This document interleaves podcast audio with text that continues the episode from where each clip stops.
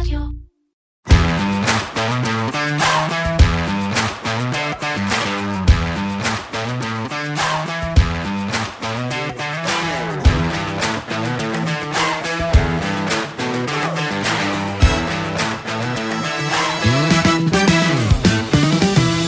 שלושת אלפים אנשים לפי הערכות מאבדים כל יום בימים אלו את מקום העבודה שלהם. הצפי הוא לעשרות אלפי מפוטרים נוספים בסך הכל בימים הקרובים. בעלי עסקים קטנים נאלצים לסגור את העסקים שלהם ועובדים שפתאום מוצאים את עצמם במקצוע ללא ביקוש.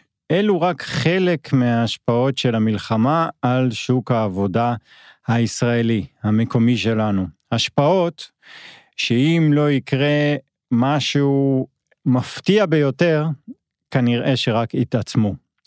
אז שלום וברוכים הבאים לפרק נוסף של פודקאסט מנועי הכסף של כלכליסט, ושלום לכלכלן והאסטרטג הראשי של פסגות, אורי גרינפלד, אהלן אורי. אהלן שי.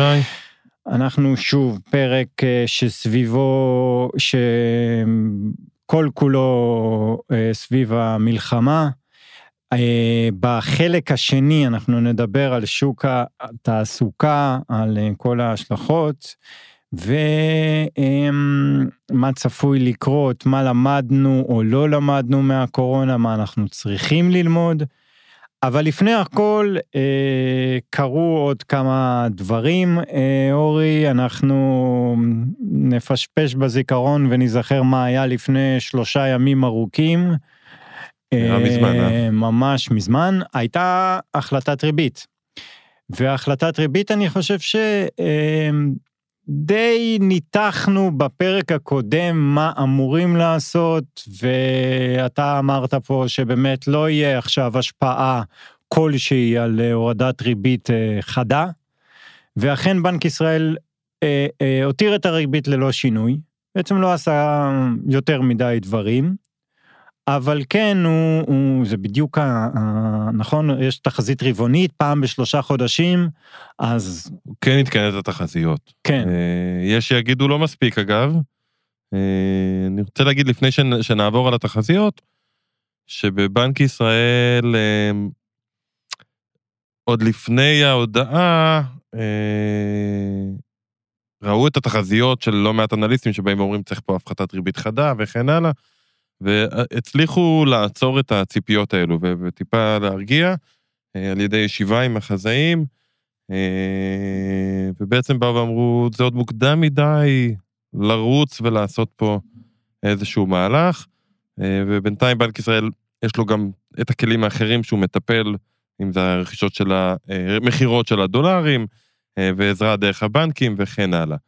עכשיו השאלה הגדולה היא באמת השאלה לגבי אה, הנושא של הריבית, ובשביל לענות עליה צריך איזה שהן הערכות למה צפוי להיות קדימה, שמן הסתם, גם בנק ישראל נמצא בדיוק באותה אי-ודאות שכולנו נמצאים. אה, וכשאתה מסתכל על התחזיות. שהותקנו, אז עוד פעם, קשה להגיד, כי אנחנו לא יודעים כמה זמן המלחמה תימשך, איפה היא תהיה וכן הלאה, אבל גם בתרחיש, אני חושב שהיום רוב החזאים, לפחות גם בשבוע האחרון, כל פגישה שהייתה לי, אה, זה תמיד הדבר שהתחלתי ממנו. מה, מה, בשביל לתת איזושהי תחזית כלכלית, צריך להניח הנחות בסיס, מה התרחיש הביטחוני. ובסוף כולם מתכנסים לאותו תרחיש ביטחוני של מלחמה שנמשכת שבועות עד חודשים אה, בעזה, בלי אה, מלחמה בצפון מעבר למה שיש לנו כרגע. זאת אומרת, בלי באמת איזושהי מלחמה אמיתית, אם זה בזכות ארה"ב שעומדת פה, ואם זה ב, אה, בגלל שבאמת אף אחד לא רוצה להתסיס את האזור. אה, אז זה התרחיש שכולם לוקחים, אני מניח שגם בנק ישראל, מה זה מניח? זה התרחיש שגם הוא לוקח. ובתרחיש הזה, הוא הפחית את התחזית אה, של הצמיחה במשק ל-2023 מ-3% ל-2.3%. זה כאילו הפחתה משמעותית. אה, אבל...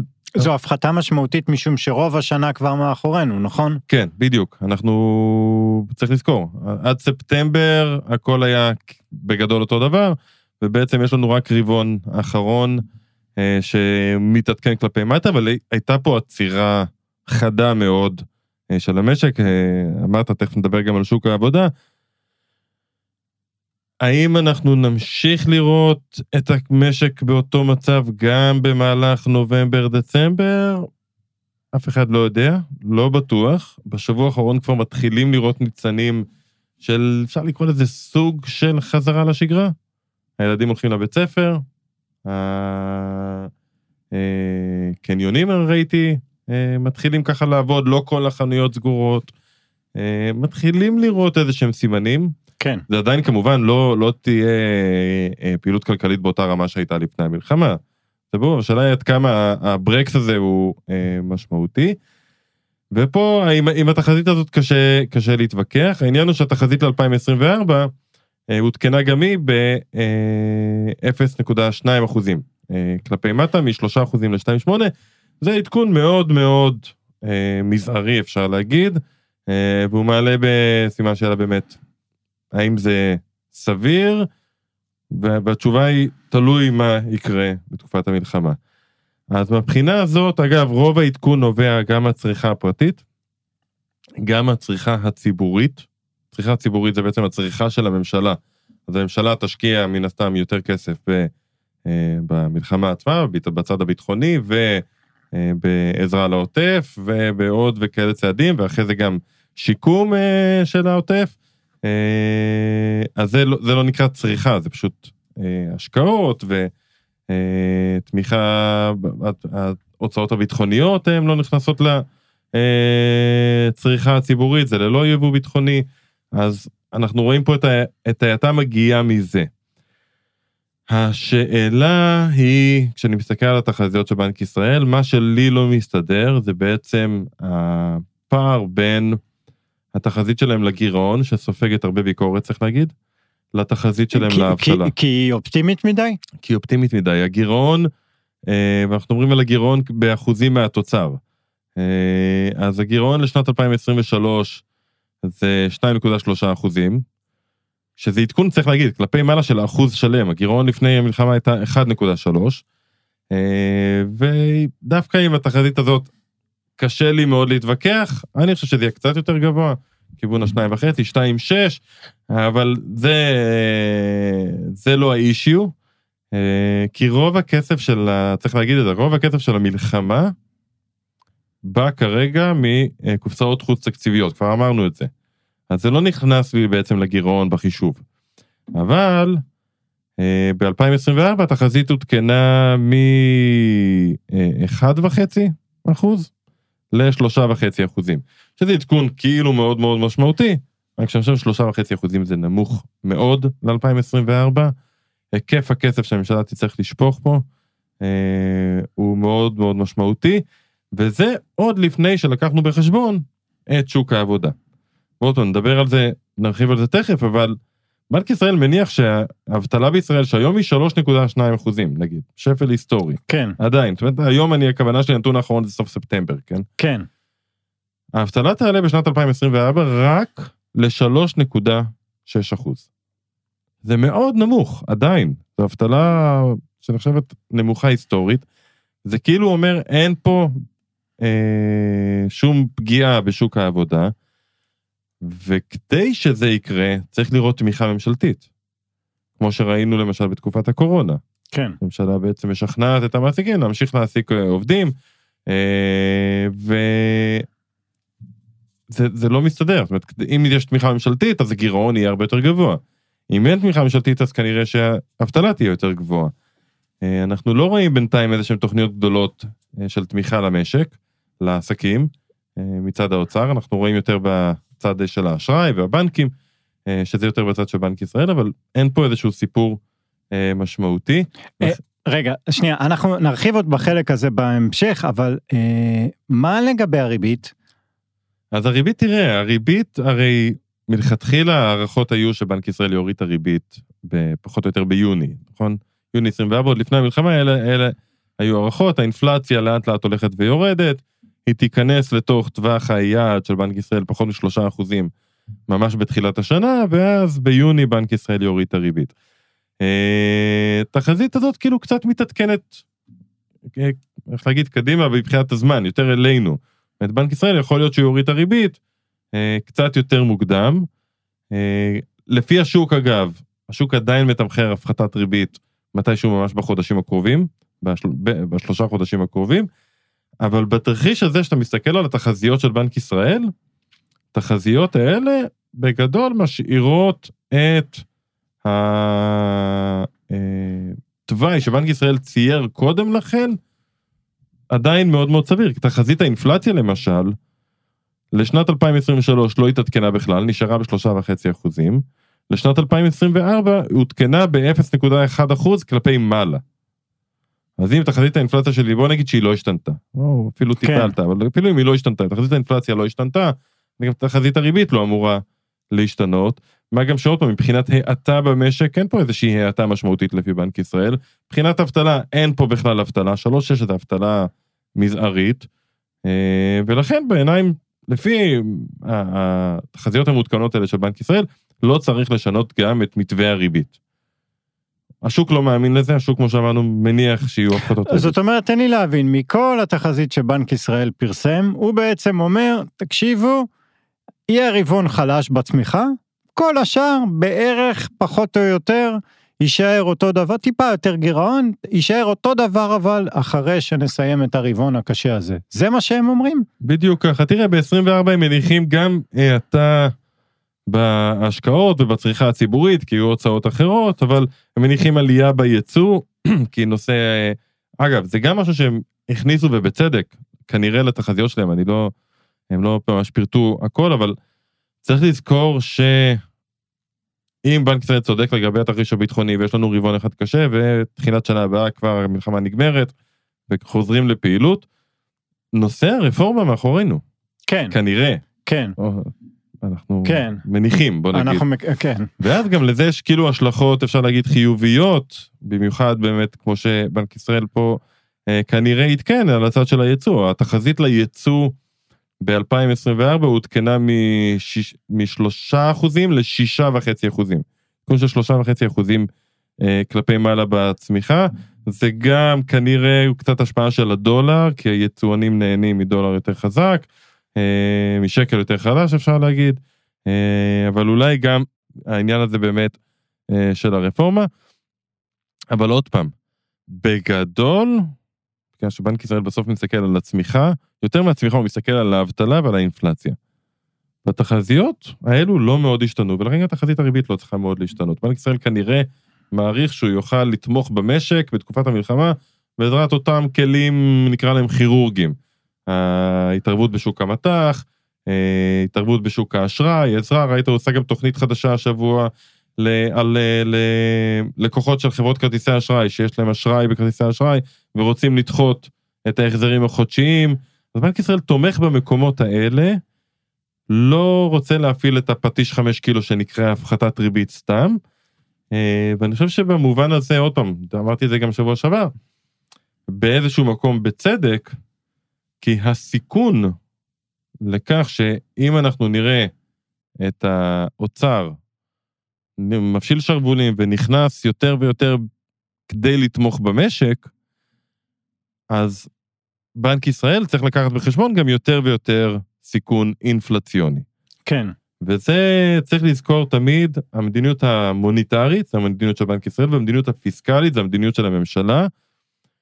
הרבה פעמים צריכות לאזן אחת את השנייה, אה, כדי שלא יהיה overshooting לאיזשהו כיוון, לפתאום אה, עלייה מהירה באינפלציה, וראינו את זה בקורונה הכי הכי טוב, אה, כשגם הממשלה שפכה המון המון כסף וגם הריבית ירדה לאפס, האמת בישראל היא הייתה אפס גם לפני כן, אבל בכל העולם ראינו את הריביות יורדות, ואז יצר מצב שבו ברגע שנגמרה הקורונה ואנשים חזרו, אה, הכלכלה חזרה לעבוד, אז האינפלציה התפרצה מאוד מאוד מהר. ואני חושב שהיום בנק ישראל מנסה, אה, בינתיים לפחות, להימנע מכאלה מהלכים.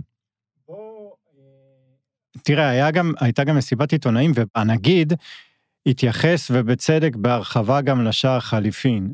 אז איך נשאל את זה? תראה, יש פיחות בשקל, אמנם הוא לא חד, אנחנו לא רואים תנועות חדות, אבל uh, אנחנו כבר בשער חליפין, כמה? 4-0-8 עכשיו, אנחנו... Uh, כמה הוא מודאג מזה, או הוא אומר, יש לי עוד אורך רוח, נניח, הוא מסתכל על השער של הדולר והסל מטבעות מול, מול השקל, ואומר, אז אני יכול לספוג עוד עשרה אחוז של uh, פיחות, או שהוא באמת באמת מודאג מזה, וזו הסיבה המרכזית שהוא בעצם לא הפחית את הריבית. אז השאלה היא, מה, קודם כל, מה הדאגות של בנק ישראל לגבי מטח? הדאגה הראשונה היא השפעה של המטח על האינפלציה. זה ברור, בנק ישראל, המטרה שלו זה האינפלציה. ככל שהדולר מתחזק, ככה נוצרים גם לחצים אינפלציוניים, אה, ולכן הוא מיד, עם תחילת המלחמה, הודיע שהוא נכנס לשוק המטח ומתערב. צריך להגיד שגם ההשפעה הזאת, כנראה, כרגע לפחות, יותר חלשה מאשר בדרך כלל, כי חלק מהעדכונים שנעשים בעקבות עלייה של הדולר לא ייעשו היום, למשל טיסות לחו"ל. בדרך כלל כשהדולר עולה אז הטיסות לחו"ל מתייקרות וזה חלק מהמדד מחירים לצרכן, אבל כרגע זה לא רלוונטי. כן. נכנסת פה, אגב, נכנסת פה שאלה, זה מה שנקרא סעיף קטן ב', הן מתייקרות הטיסות, אבל אין הרבה. אין, אין כמעט טיסות, ומה כן. הלמ"ס יעשו עם זה? כן. איך הלמ"ס ימדוד את הסעיף הזה בכלל, אם הוא ימדוד אותו? בקורונה, אגב, הלמ"ס הודיע שסעיף הטיסות לחו"ל, כי הרי השמיים יהיו סגורים למשך תקופה, סעיף הטיסות לחו"ל מפסיק להימדד, והוא מקבל בעצם את העלייה של המדד כולו לתוכו. אם כל כן. שאר הסעיפים עלו ב-0.3 בחודש מסוים, אז גם הסעיף הזה מתעדכן ב-0.3. זה, זה יצר המון גם בלאגן בתוך הסעיף, אבל לא חשוב. השאלה היא מה הלמ"ס יעשה עכשיו, אבל בכל מקרה ההשפעה של ההתחזקות של הדולר על האינפלציה בישראל, האמיתית נקרא לזה, אה, לא יודע איך ימדדו, אבל על הצרכן הישראלי, היא פחותה לעומת בעבר, כי אנשים כנראה לא טסים, אנשים קונים כנראה פחות מוצרים בני קיימא שמאוד מושפעים מהדולר, רכבים, אה, מקררים, אה, מכונות כביסה, זה פחות הזמן כנראה שאנשים רוכשים כאלה מוצרים. אז ההשפעה של התחזקות של הדולר פחות משפיעה, אבל זה לא, זה לא החשש היחיד של בנק ישראל. אם יש מהלך מאוד מאוד חד בשער החליפין, זה מייצר חששות נוספים, במובן של, אחד, אה, יציבות פיננסית, צריך לזכור שגם לממשלה וגם לחברות בישראל יש לפעמים חוב דולרי, ואם הדולר מתחזק בעשרה אחוזים, זאת אומרת שהחוב שאני צריך להחזיר, אני כחברה או כממשלת ישראל שמייצר את ההכנסות שלי בשקלים, אם אני צריך להחזיר חוב בדולר, כל הפיחות בעצם מתגלגל לחוב שלי. כן. אם היה לי חוב של אה, 100 מיליון שקל, ועכשיו יש פיחות של, סליחה, 100 מיליון דולר, ואני ההכנסות שלי בשקלים, עכשיו יש 10% פיחות, זה אומר שאני צריך בעצם לייצר עוד הכנסות כדי להחזיר את אותו חוב שהיה לי קודם. אז זו דאגה אחת שתמיד קיימת כשמדברים על שער חליפין, ודאגה שנייה היא היכולת של המשק להמשיך בעצם אה, לפעול בצורה סבירה, אה, מבחינת יבוא של מוצרים, מוצרים בסיסיים, מזון אה, וכן הלאה, תרופות, אה, כל מה שצריך. אה, ככל שהפיחות יותר ויותר חד, ככה גם יותר קשה למשק לפעול בצורה שוטפת. אנחנו לא שם, אנחנו ממש לא שם אפילו. כמו שאמרת, יש פיחות, אבל הוא כזה פיחות, נקרא לו זוחל. פיחות יציב. כן, והאמת צריך עוד פעם לתת קרדיט לבנק ישראל, כי אם מסתכלים על המסחר התוך-יומי, רואים בבירור שבנק ישראל חזק בתוך השוק, והוא בעצם כל יום יש פיחות וכל יום הוא קצת ממתן אותו והוא לא נותן לדבר הזה. והנגיד גם רמז את זה, שמדי יום כמעט כן, מתערבים. רואים את זה ממש בשוק. אה, אז כרגע אני חושב שהם מרגישים שהמצב בשליטה, אבל צריך להגיד, אין, או יש גבול לכמה שבנק ישראל יכול להתערב בשוק המטח. זה, זה אולי נדמה לנו שאין גבול, אבל יש גבול. היום, נכון שהרזרבות מטח של בנק ישראל הן גבוהות, גבוהות מאוד אפילו, אה, אבל הן לא אינסופיות. וככל שהרזרבות הולכות ופוחתות, ככה גם הסיכון הפיננסי של ישראל הולך וגדל, מה שמוסיף עוד לחץ לפיחות. אם, אם נזכיר שחברות הדירוג כולן הורידו את אופק הדירוג של ישראל הרי לשלילי, זאת אומרת, הן שוקלות, אומרות שאנחנו כרגע מורידים את האופק לשלילי, ואם המצב לא ישתפר קדימה, אז נצטרך להוריד לישראל דירוג. אחד האינדיקטורים הכי משמעותיים שמסתכלים על זה באמת רזרבות המטח ביחס לתוצר של ישראל. ככל שהרזרבות הולכות וקטנות והולכות וקטנות, ככה גם הסיכון הפיננסי, בעצם הכרית ביטחון שלי הולכת וקטנה. ואז הסיכון הפיננסי גודל, סיכון פיננסי גודל, זה אומר שייווצרו עוד לחצים לפיחות של השקל, מה שיגרור עוד לחץ על בנק ישראל להמשיך להתערב, ואז הרזרבות פוחתות יותר מהר. זה לא כאילו שבנק ישראל יכול עכשיו במשך חודשים ארוכים להתערב בשוק המטח באופן קבוע. זה לא כזה פשוט, הוא הקדיש לו תוכנית 30 מיליארד אה, דולר, הוא יוכל עוד להגדיל אותה קצת, אבל זה לא אינסופי. לא, וגם תחשוב מה יקרה ביום שהוא ירצה, אתה יודע, מה אסטרטגיית יציאה, מה, מה יכול להיות שאז אנחנו נקבל פיחות עוד יותר. אז התקווה היא שכשבנק ישראל, התקווה של בנק ישראל היא שלא נצטרך להגיע לשלושים האלה, אה, והמלחמה תיגמר כן. לפני זה, וזה באמת יהיה עניין של שבועות עד נגיד חודשיים, וחודשיים אפשר להחזיק מעמד, ואחרי זה הלחץ על ישראל יפחת, והאמון בשקל יחזור, בטח עם הנושא של הרפורמה מאחורינו, ומשקיעים יחזרו להשקיע בישראל, והכל נפלא, וגר זה זאב עם כבש. כן. אמ, hopefully, מה, מה אפשר להגיד? לא, אין מה. אה, אבל אלה סיכונים ש, שצריך לקחת בחשבון. אה, ועוד פעם, הסיכונים האלה יגדלו ככל שבנק ישראל והממשלה לא יהיו מסונכרנים ביניהם. ופה באמת, אני חושב ששוק העבודה זה המקום הכי קריטי במובן הזה. כן. אז בוא נדבר על זה. אמ, ותראה, אני בטוח שאני לא היחיד שזה מזכיר לו את התקופה ההיא של הקורונה. עכשיו, אתה יודע מה? בוא תן לי, אתה קודם הזכרת את הנתונים והתחזית של בנק ישראל לגבי האבטלה.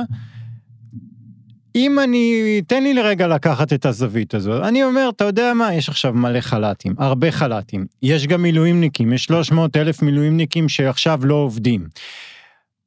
אולי אם הכל זמני, באמת, ואפילו זמני לשלושה חודשים, הרי בסופו של דבר מה זה חל"ת? חל"ת, אם, אם אתה מוציא מישהו לחל"ת, אתה רוצה את העובד מתישהו.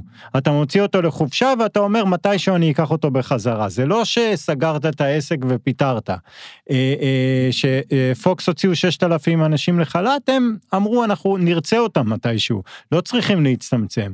אז יכול להיות שבאמת הכל זמני, וגם אם תהיה קפיצה באבטלה של, אה, לא יודע, כמו שהיה בקורונה, הכל יחזור מהר מאוד, ולא big deal. זאת אומרת, צריך רק לדאוג ל, אה, אה, לאנשים שעכשיו יצאו לחל"ת ולא מקבלים משכורת. או, פה, פה בדיוק קבור הכלב. מי דואג לאותן משפחות, לאותם אנשים שהוציאו אותם לחל"ת בחודשיים הקרובים? מי דאג להם בקורונה?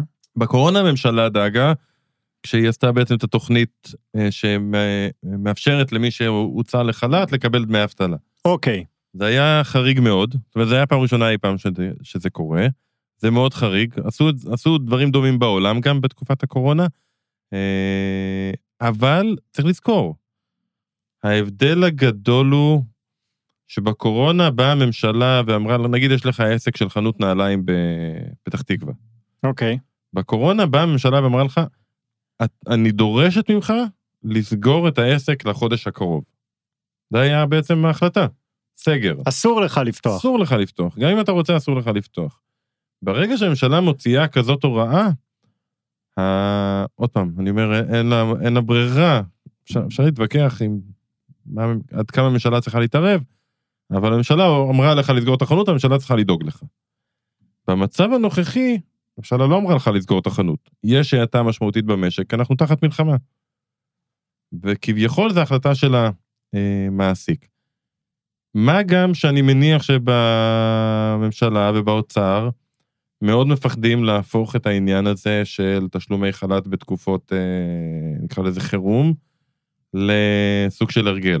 משום אז- שהם לא רוצים שכולם ימהרו להוציא לק- את- בדיוק, לחל"ק. בדיוק. אז נכון שאנחנו עכשיו באמת במלחמה, ולא היינו במצב כזה המון המון שנים אם בכלל, אבל מה, מי אמר שבעוד שנתיים, שלוש, ארבע, יהיה משהו יותר, נקרא לזה, זה עוד מבצע כזה, אה, והוא יוריד קצת את הפעילות הכלכלית, ועוד פעם, כמו שאתה אומר, תבוא אותו בעל חנות, הוא יראה אתה בכלכלה, הוא יראה אתה בקני- בביקוש לנעליים באותו הרגע, בגלל שהמצב רוח הלאומי קצת נפגע וכן הלאה, הוא יגיד, אתה יודע אולי עדיף לי לסגור את החנות, להוציא אותם לחל"ת, הממשלה תשלם לעובדים שלי, אני אסגור את החנות לשבועיים ואני אחזור, ואז כשהדברים אה, ישתפרו.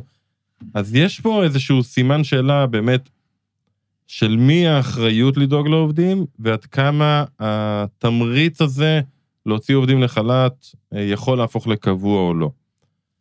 עכשיו, למה זה מאוד מאוד חשוב? כי בסוף, מה שבאמת מעניין זה לא שיעור האבטלה. קורונה שיעור האבטלה היה 25 אחוז. אבל אנשים שלא עבדו עדיין קיבלו הכנסה מסוימת. ומה שזה גרם, זה גרם לזה שכשהכלכלה חזרה לעבוד, אנשים בעצם חזרו אה, לצרוך, כי הייתה להם הכנסה כל התקופה. הם הוציאו גם הרבה פחות במהלך התקופה, בקורונה בטח, כי היינו ממש בבית כל הזמן, ואז נוצרה אינפלציה מאוד מאוד גבוהה. אם האוצר בסופו של דבר אה, יחליט שהוא בא ונוקט באותם, אה, אה, באותה אסטרטגיה של הקורונה ומשלם חל"ת לעובדים, משלם דמי אבטלה לאנשים, לעובדים שיצאו לחל"ת, מעבר לפיצויים לעסקים, הרי ראינו מי מוציא לחל"ת, עסקים שלא זכאים לפיצויים של האוצר בגלל היקף הכנסות גבוה. אם האוצר החליט שהוא בא ומשלם את דמי האבטלה גם למי שיוצא לחל"ת, אז המשמעות יכולה להיות בסופו של דבר אינפלציונית. הגירעון יהיה הרבה יותר גבוה, כי זה יכול, כרגע אנחנו מדברים על כמה אלפי עובדים, אבל זה יכול להיות משהו שיימשך ועוד פעם, יצית עוד איזשהו גל של הוצאה לחל"ת. אז גם אם האבטלה גבוהה, זה בסדר אם אנשים מקבלים הכנסה, ואז זה יכול לייצר, לייצר לי איזושהי אינפלציה. וגם אם ינקטו במודל הגרמני, מה שנקרא, המודל הגרמני בעצם אומר שלא הממשלה משלמת דמי אבטלה, אלא הממשלה בעצם... משתתפת. משתתפת בשכר, זאת אומרת, אתה לא מוציא את העובדים לחל"ת, אתה משאיר אותם בתוך מצבת כוח אדם שלך, הממשלה, הממשלה עוזרת לך לשלם להם את השכר. ובסוף זה אותו דבר, אנשים לא יבואו לעבודה, או שיבואו לעבודה והחנות תהיה ריקה, וההכנסה שלהם לא תיפגע, ואז כשהמלחמה תסתיים ואנשים יחזרו לקניון, ואנשים יחזרו לקניון, אז אנחנו נראה בעצם אה, מהלך, אה, משהו שיכול להיות דומה למה שהיה בקורונה. ופה בנק ישראל, אני חושב, זה בעצם מה שיקבע בסוף את המדיניות שלו. בגלל זה אני, חושב, אני חוזר על העניין הזה של הקשר בין בנק ישראל לאוצר. אם האוצר לא יעשה דבר כזה, אז אותם עובדים שיצאו לחל"ת, פלוס כמובן עובדים שמפוטרים, לא תהיה להם ברירה, לא תהיה להם הכנסה למשך תקופה, והם יהדקו את החגורה בצורה משמעותית. זה, זה מה שנקרא מיתון קלאסי. כן. אבטלה שעולה, אנשים אין להם הכנסה, אין להם ברירה, הם מתחילים להדק את החגורה, יש ירידה בביקוש, הירידה בביקוש מובילה בסוף גם לירידת מחירים. זה מה שנקרא מיתון קלאסי, מיתון קלאסי הוא בדרך כלל דפלציוני. אוקיי. Okay. אם במצב כזה, בנק ישראל כנראה יוריד ריבית בשלושה חודשים הקרובים, כי אנחנו נראה, אין ברירה, אנחנו נראה בעצם מיתון אמיתי, ואז תחזיות האבטלה של בנק ישראל לא רלוונטיות. האבטלה תהיה משמעותית יותר גבוהה מ-3.6. כן, רגע, אבל לגבי, אה, אה, פה אני כן רוצה לגעת בנקודה של השוני בין מה שהיה לנו בקורונה לבין מלחמה. כלכלה במלחמה, יכול להיות שהיא מייצרת משרות אחרות, זאת אומרת, אני לא מדבר, אה, אה, א', גם זה קורה אה, בהייטק.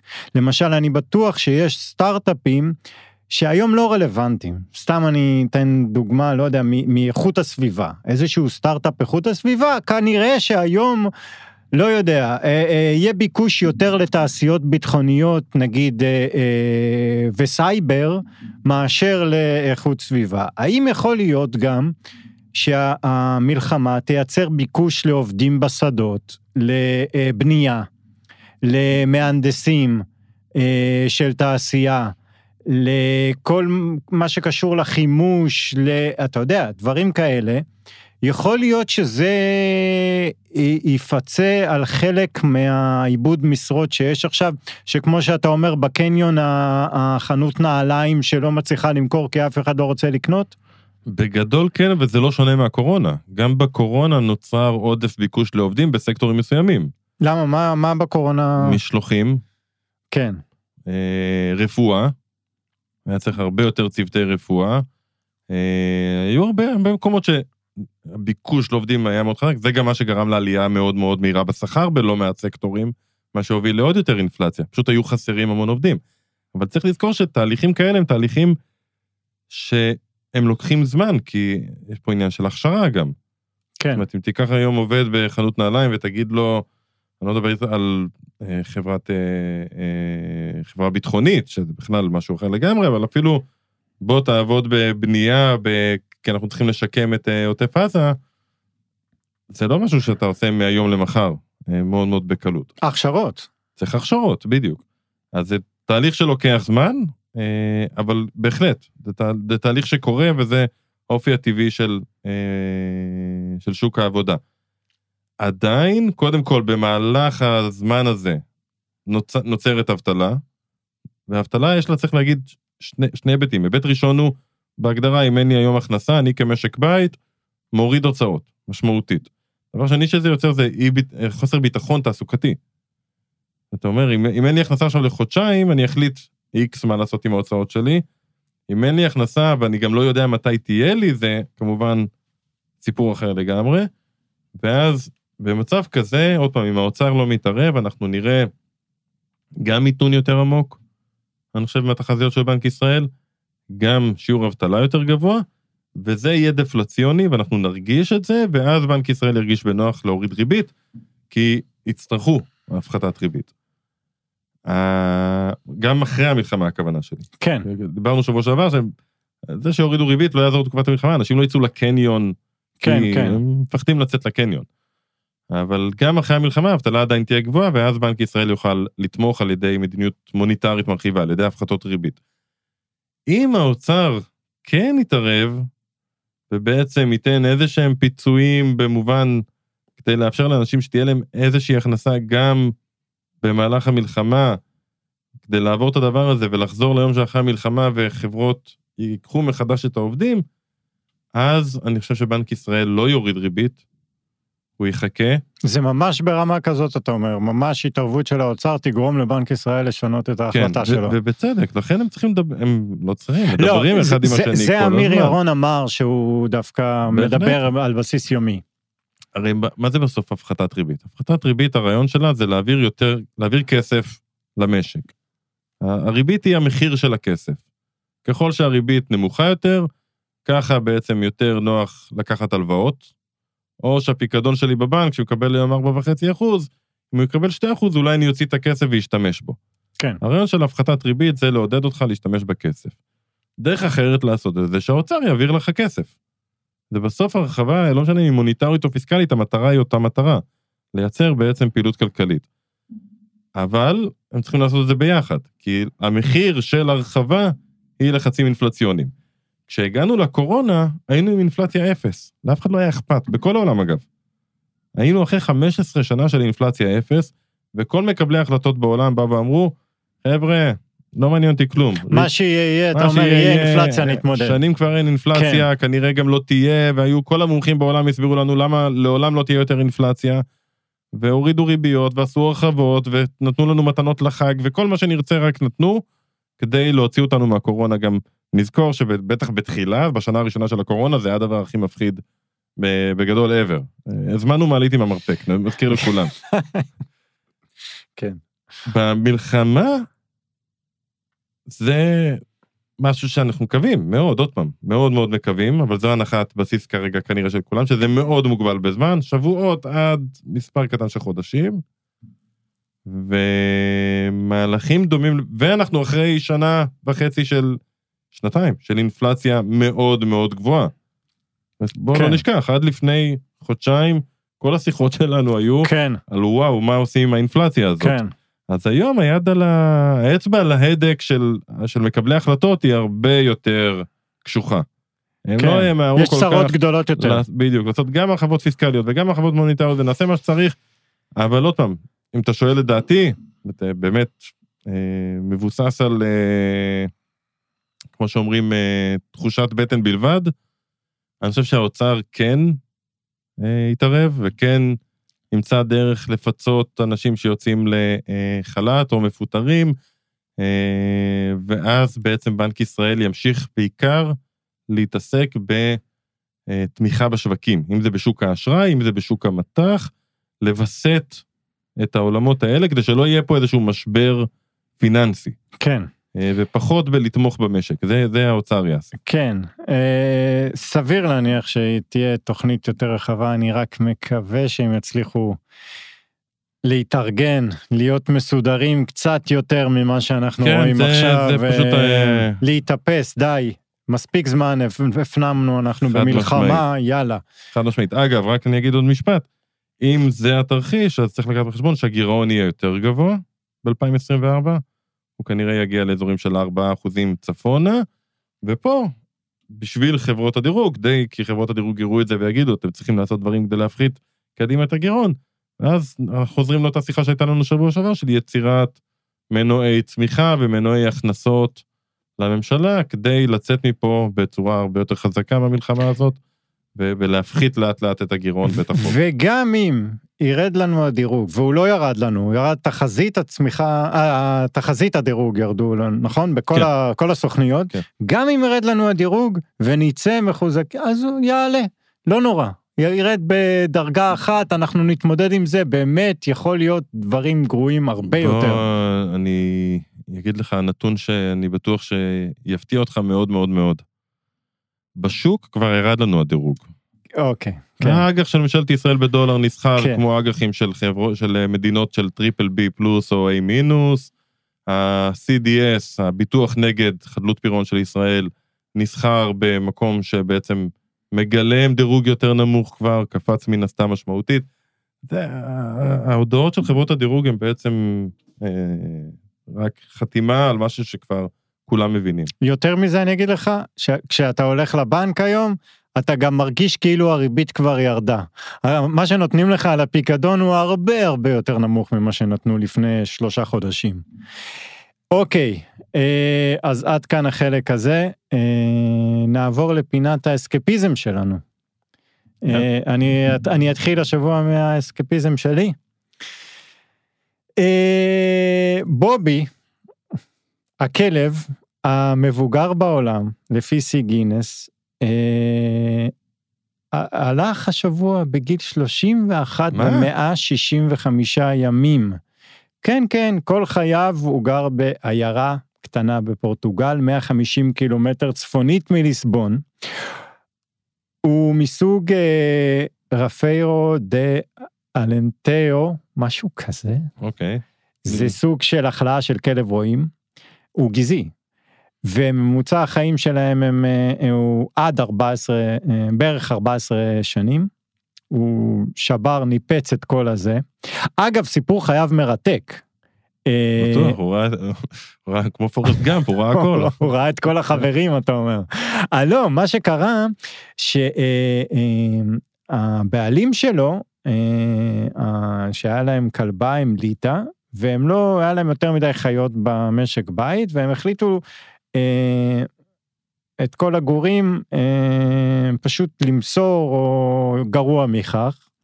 והוא היחיד שהתחבא אה, באסם של המשפחה, וההורים ש... לא הסכימו, הילדים גידלו אותו.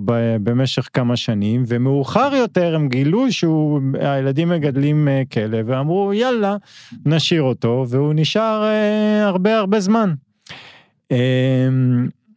לדעתי- יש פה סרט הוליוודי. ממש, אה. תקשיב, ביום הולדת האחרון שלו במאי, הוא חגג עם 100 מוזמנים ותזמורת. כן, לא, זה חתיכת שבירת שיא. נכון. אה, זה כמו, נכון, עושים שב- שבע לאחד, למרות שזה לא, לא מדויק, כי הכלבים בעצם מתבגרים הרבה יותר מהר בגילאים צעירים, אבל בשבע לאחד זה כאילו הגיע לגיל של 210. מטורף. אה, טוב, אני, דיברנו היום הרבה על מדיניות פיסקלית, אז מצאתי פשוט אה, איזשהו סיפור, לא יודע אם הוא מצחיק או מרתק, גם וגם, אה, על אוזלת היד של מקבלי ההחלטות. אה, כשזה במקום אחר אז תמיד זה מצחיק אותנו, אה, כשזה בישראל זה מעצבן אותנו. באילינוי, אה, הממשל החליט שהוא רוצה להחזיר את הייצור למדינה. אה, הם היו ידועים בזמנו בתור הבירה של הייצור האמריקאי, ייצרו את כל הרכבים, אה, מדינת אילינוי, דטרויט כמובן, אה, והם רוצים להחזיר את זה, הם רוצים להחזיר את העוצמות שלהם ולהיות גאים. אה, ולכן המדינה התחילה באיזושהי תוכנית שבה היא נותנת הטבות מס לחברות שבאות לייצר אה, ומעבירות מפעלים לאילנוי, אה, עם דגש גם על חברות שעושות אה, בעצם ייצור, מה שנקרא green jobs, ייצור שגם תומך באקלים וכן הלאה. מפה לשם, מסתבר שאילנוי בעצם מממנת 2,600 עובדים בחברה אה, סינית. אוקיי. Okay. שיש לה מפעל באילנוי שמייצרת אה, סוללות לרכבים חשמליים, שאת המבנה אה, של הסוללה בגדול הם גנבו אה, מטסלה, והם פשוט אה, מתחרים בטסלה אה, על ידי גניבה של הפטנט, כמו שהרבה חברות סיניות עושות, ופשוט מדינת אילנוי העבירה להם חצי מיליארד דולר בטקס קרדיט. טקס קרדיט זה גם אה, לחברה עצמה, שלא צריכה לשלם מס אה, על הרווח, וגם על התעסוקה, כל עובד שמעסיקים, הם מקבלים עוד אה, הטבות. קיבלו 536 מיליון דולר בסובסידיות, אה, והקפאה של המס ל-30 שנה קדימה, ועוד ועוד דברים. אה, אני לא חושב שלשם הם חתרו. אגב, זו חברה שעשתה סוג של, אתה יודע, החברות האלה עושות מכרז, איפה אני אפתח את המפעל שלי. מי לא שמשלם הכי פחות, הם כן, איפה שאתה משלם הכי פחות. זה נהוג כן. מאוד. כן. אה, זה נהוג אגב גם בארץ, שיש לנו את כמה וכמה חברות שמקבלות הטבות מס, אז הן פונות לכמה מדינות. אם אני אביא פה מפעל שמייצר עשרת אלפים מקומות עבודה, מה אתם תיתנו לי מבחינת הטבות מס? אז אה, החברה הזאת עשתה את אותו דבר, ואף מדינה אה, בארצות הברית לא, לא הציעה לה שום דבר, בגלל האופי של החברה פשוט. הם לא ירוקים, הם חברה סינית, שזה בגדול היום, בטח אנחנו כבר מבינים, לא משהו שאמריקאים רוצים לפתח, ועוד חברה שכולם יודעים שהם גנבו את הפטנטים שלהם מחברות אמריקאיות. אז כן, העיקר שנרגיש... לא אוהבים את אילון מאסק באילנוי, אה? פחות, אבל העיקר שנרגיש שאנחנו חזקים ומחזירים אה, עטרה ליושנה. תודה רבה שהאזנתם, שיהיה שבוע שקט.